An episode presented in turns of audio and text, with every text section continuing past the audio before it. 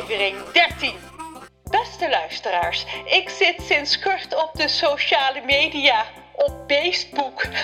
Dat is eigenlijk voor dieren, maar ik mag er ook op omdat ik voor de helft een vis ben. Enig vind ik het. Ik kan urenlang naar kattenfilmpjes kijken, want ik ben dol op katten. Maar voor een zeemermin is het geen goed idee om een kat als huisdier te nemen. Want voor je het weet, zit hij aan je staart te knagen. Niks filmpje, krijst Kraai. Ik wil kraaienkracht, nu meteen. Die kraaienkracht komt heus wel, zust Reus. Nu is het niet het juiste moment om de heilige kakker daarom te vragen. Met zijn stokbenen in de hand hobbelt hij op zijn stompbenen de kamer uit en Ron holt achter hem aan. Niet het juiste moment, niet het juiste moment. Wanneer is dan wel het juiste moment? Reus weet niet waar hij het over heeft. Straks heb ik geen kraaienkracht meer over. Ik wil een pe... Als Ron en Reus naar buiten lopen, zien ze dat Rons moeder ijsbeert langs de rand van het zwembad. Ze heeft haar telefoon aan haar oor en is druk aan het praten. Mijn manager belt met de televisie, zegt de heilige kakka gewichtig. Ze gaat regelen dat het filmpje wordt uitgezonden na het nieuws van 8 uur tijdens de reclame.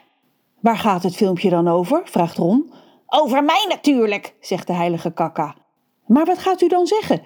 Gaat je niks aan. Hé, hey, uitkijken jij, ik ben geen rotkraai. Oeps, Ron wordt rood en neemt zich voor om alleen maar aan het weer te denken als hij bij de heilige kakka in de buurt is. Dat hou je toch nooit vol, zegt de heilige kakka, die nog steeds met Rons gedachten meeluistert. Dat zullen we nog wel eens zien, denkt Ron, en meteen daarna denkt hij aan een donkere lucht vol donderwolken. Rons moeder komt naar hen toe lopen. Ze steekt haar duimen omhoog. Gelukt, we komen op tv. Ik kom op tv, zul je bedoelen, verbetert de heilige kakka haar. Hij gebaart naar Roel, die hem met één hand van de stoel tilt en hem op zijn schouder zet.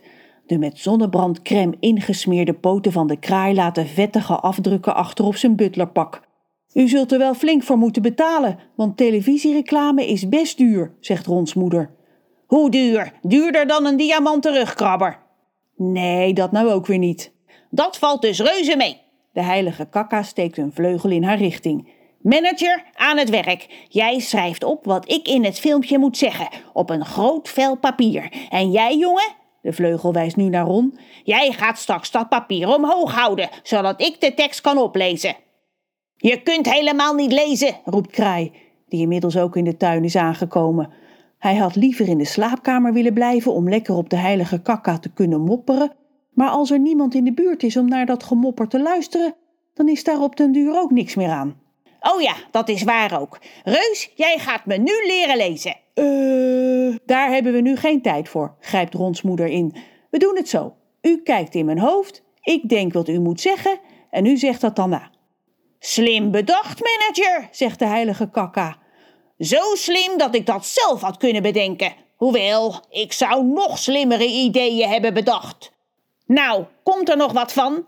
Kraai wil dat de heilige kakka opschiet. Hij voelt dat hij nog maar een paar drupjes kraaienkracht in zijn lijf over heeft. Zijn broer moet hem snel tussen de ogen pikken, anders is hij straks een kraai zonder kraaienkracht. En dat is net zo erg als een bord macaroni zonder tomatensaus. En geraspte kaas natuurlijk.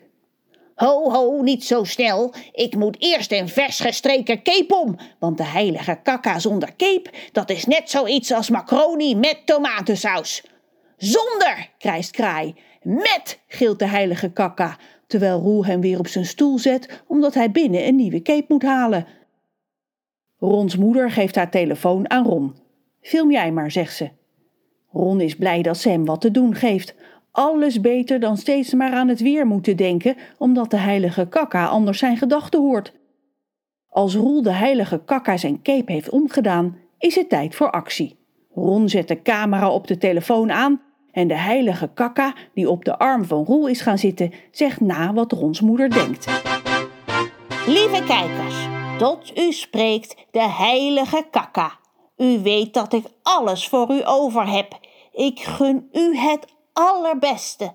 En daarom geef ik u mijn kraaienkracht. Want het is toch prachtig dat u met een pik van mijn snavel tussen uw ogen voortaan gedachten kunt horen.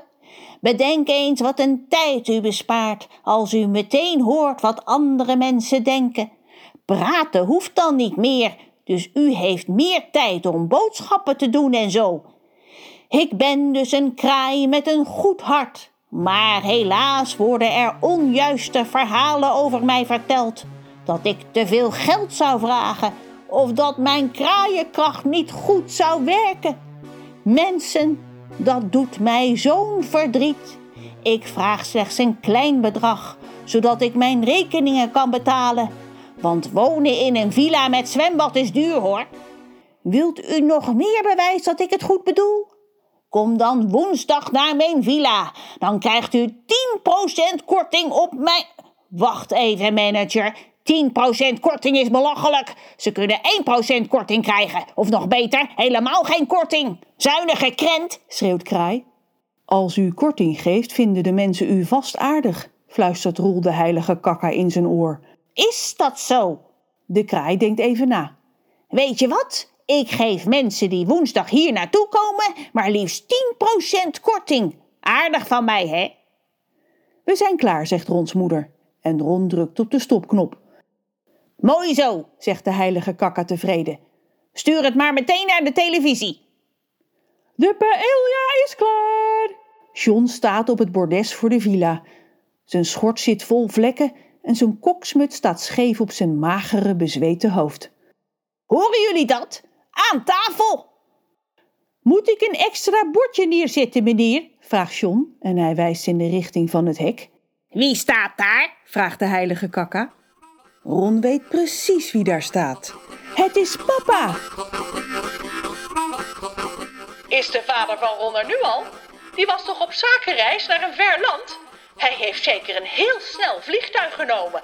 Ik wil ook wel eens mee in een snel vliegtuig. Dan ga ik naar de stille oceaan om gezellig bij te kletsen met mijn nicht Pamela. Tot de volgende keer.